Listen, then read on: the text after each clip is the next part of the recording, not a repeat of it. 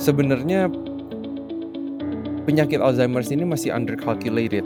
Jadi sebenarnya masih jauh lebih banyak yang punya Alzheimer's disease, tapi uh, belum ada datanya. Tapi ada cerita seorang yang bernama Jane Calment, seorang uh, orang Prancis. Dia hidup sampai usia 118 tahun. Otaknya di scan, ternyata otaknya itu masih mirip dengan orang yang di usia 80 dan 90 tahun dan gak ada bukti kalau dia punya penyakit saraf. Dan perempuan ini dua kali lebih mungkin mu untuk memiliki atau mulai ada gejala Alzheimer dibandingkan dengan kanker payudara.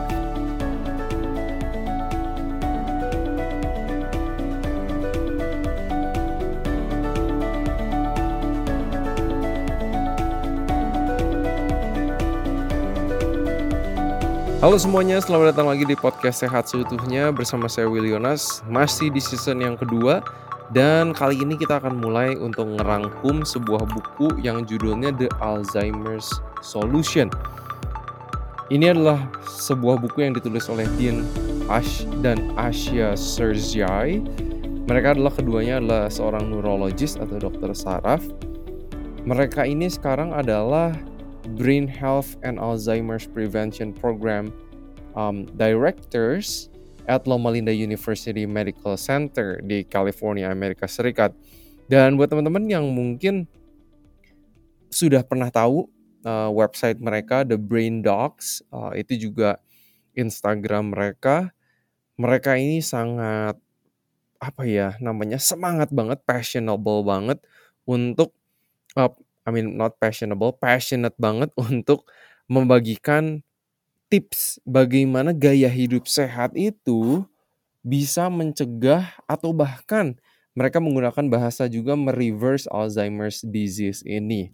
Jadi Alzheimer's disease ini menjadi sebuah concern atau kepedulian dari mereka karena ini adalah bagian dari uh, tugas dari dokter saraf gitu kan menangani orang yang memiliki Alzheimer's disease. Buat teman-teman yang mungkin belum tahu Alzheimer's disease ini, basically Alzheimer's disease ini adalah penyakit yang ciri-cirinya seseorang itu mengalami pikun, lupa ingatan.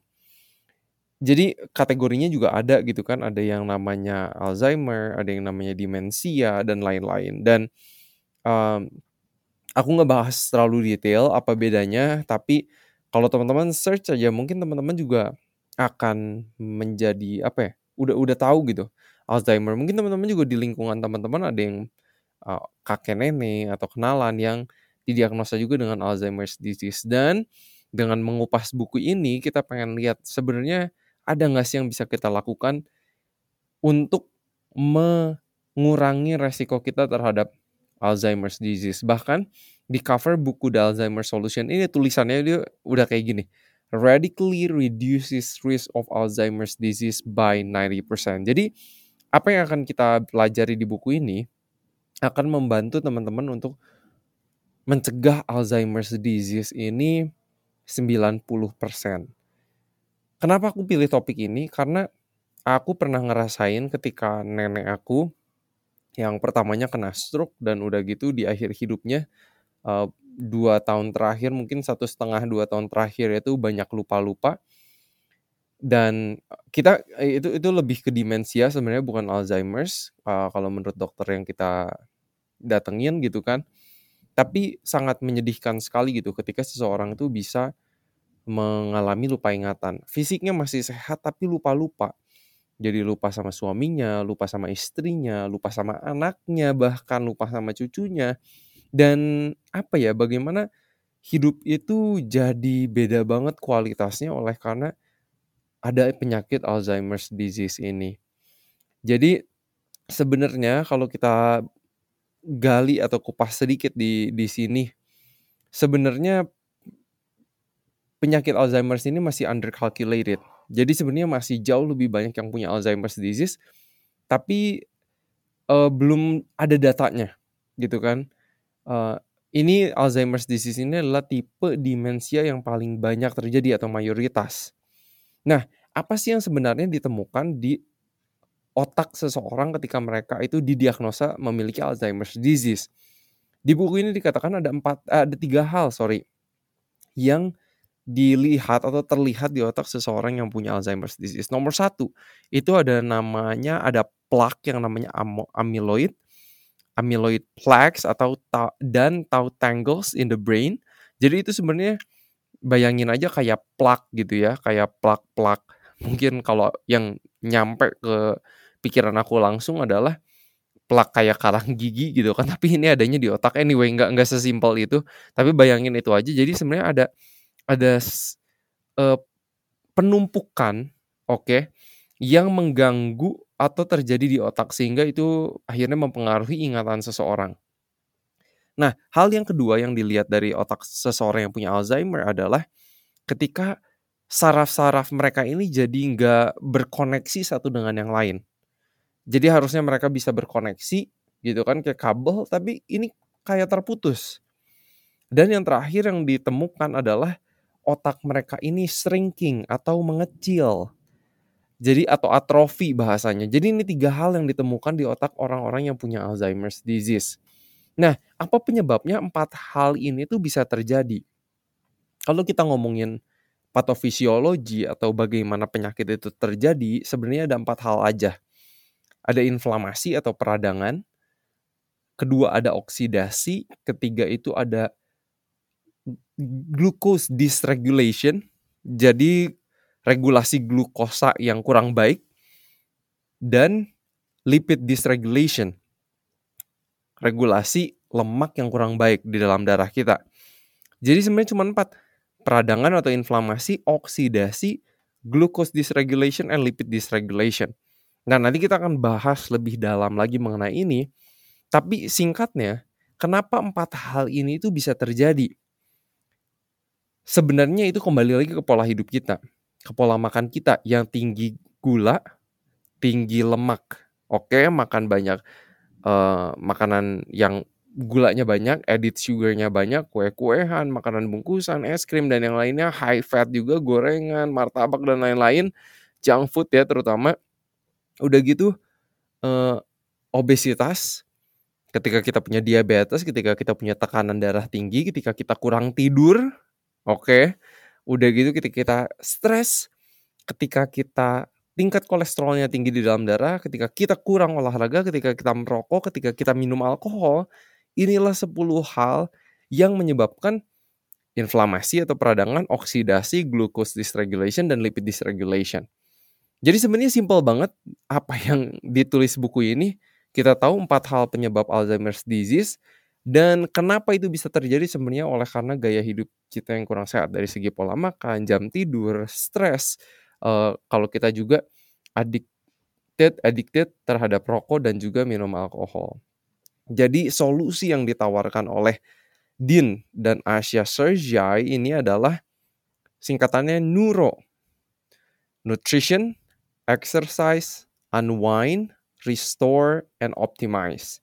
Nah, ini juga yang kita akan banyak bahas di rangkuman buku ini.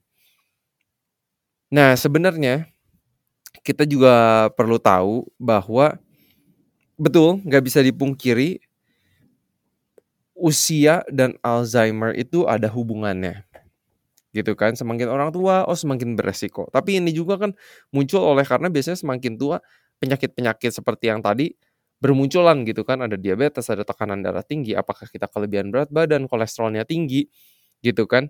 Tapi sebenarnya eh, yang dicoba diangkat oleh penulis pemik adalah orang-orang pada umumnya bilang oke okay, kalau punya Alzheimer di usia tua itu normal.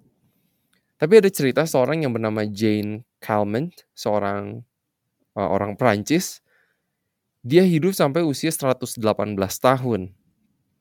Dan ketika otaknya di-scan, karena kan ini menjadi fenomena yang menarik. Otaknya di-scan, ternyata otaknya itu masih mirip dengan orang yang di usia 80 dan 90 tahun. Dan gak ada bukti kalau dia punya penyakit saraf atau neurologic, neurological disease di otak dia. Walaupun usia ini benar menjadi salah satu faktor resiko terhadap Alzheimer, Ya karena semakin ada resiko peradangan, oksidasi, glucose dysregulation, lipid dysregulation, ya adanya hipertensi, kolesterol seperti yang tadi uh, disebutkan atau mini strokes ya itu juga bisa ada childhood trauma, ada head injury. Tapi sebenarnya ada harapan seperti Jane Kalman ini walaupun kita tua tapi otak kita itu tetap bagus, tetap sehat supaya kita nggak kena Alzheimer's disease. Kalau misalnya kita hidup sampai umur 70-80 tahun tapi otak kita sehatnya masih sama dengan otak orang yang umur 50 tahun, itu kan good news banget.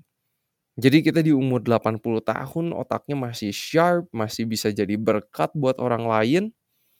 Ya kan? Tapi kita harus jaga gaya hidup kita. Tetap sehat. Seperti Jane Kalman ini. Ya. Nah, yang menarik, fakta menarik juga mengenai Alzheimer's disease adalah dua per 3 dari penderitanya adalah perempuan.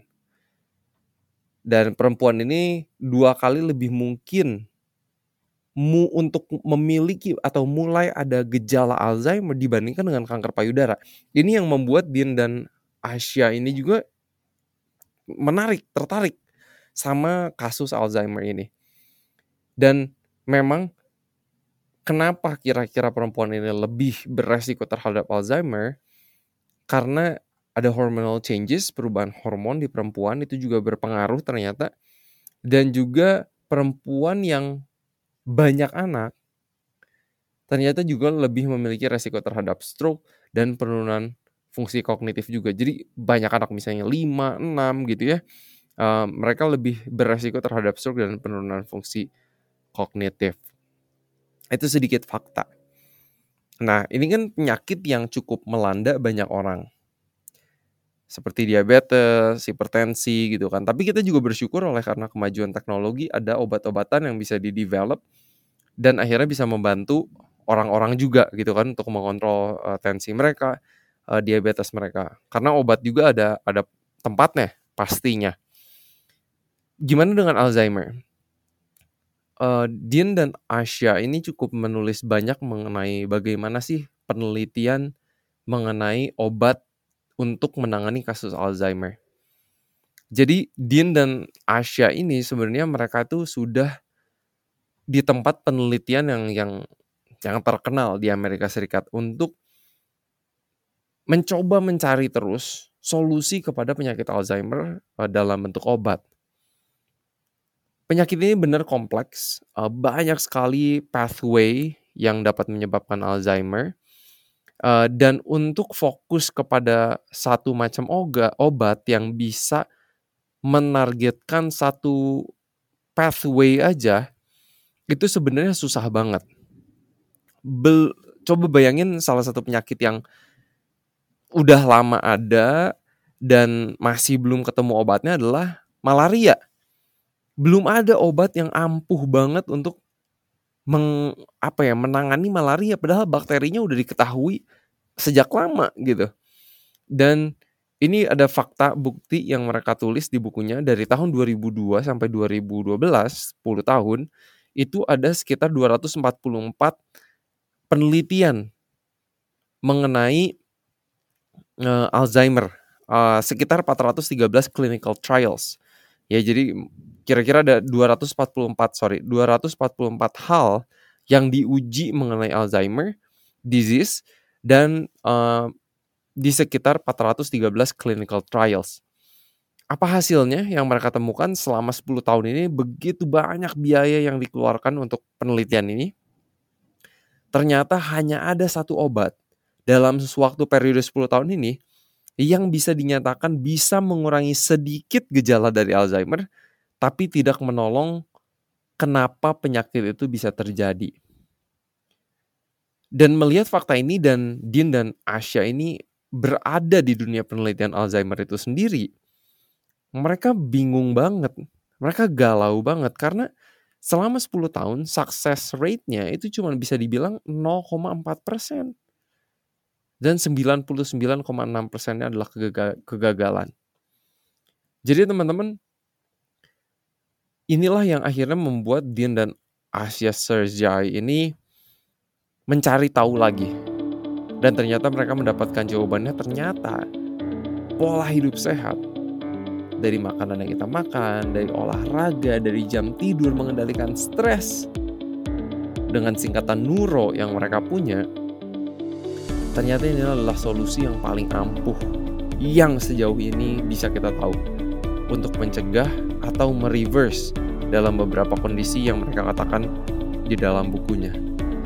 Nah, selanjutnya teman-teman, kita akan bahas bagaimana nutrition, exercise, unwind, restore, and optimize, singkatan NURO itu bisa membantu kalian untuk mencegah Alzheimer. Itulah yang akan disajikan oleh penulis buku dan semoga teman-teman boleh stay tune untuk episode 2 atau part 2-nya. Kita akan gali lebih dalam supaya teman-teman bisa lebih yakin. Ternyata pola makan sehat, olahraga teratur, mengendalikan stres, itu semua banyak sekali manfaatnya buat tubuh kita yang sekarang pengetahuan sudah ketahui. Itu sedikit uh, pembukaan mengenai buku Alzheimer Solution. Kita ketemu lagi di part yang kedua. Seperti biasa, harapan saya semoga kita sehat seutuhnya.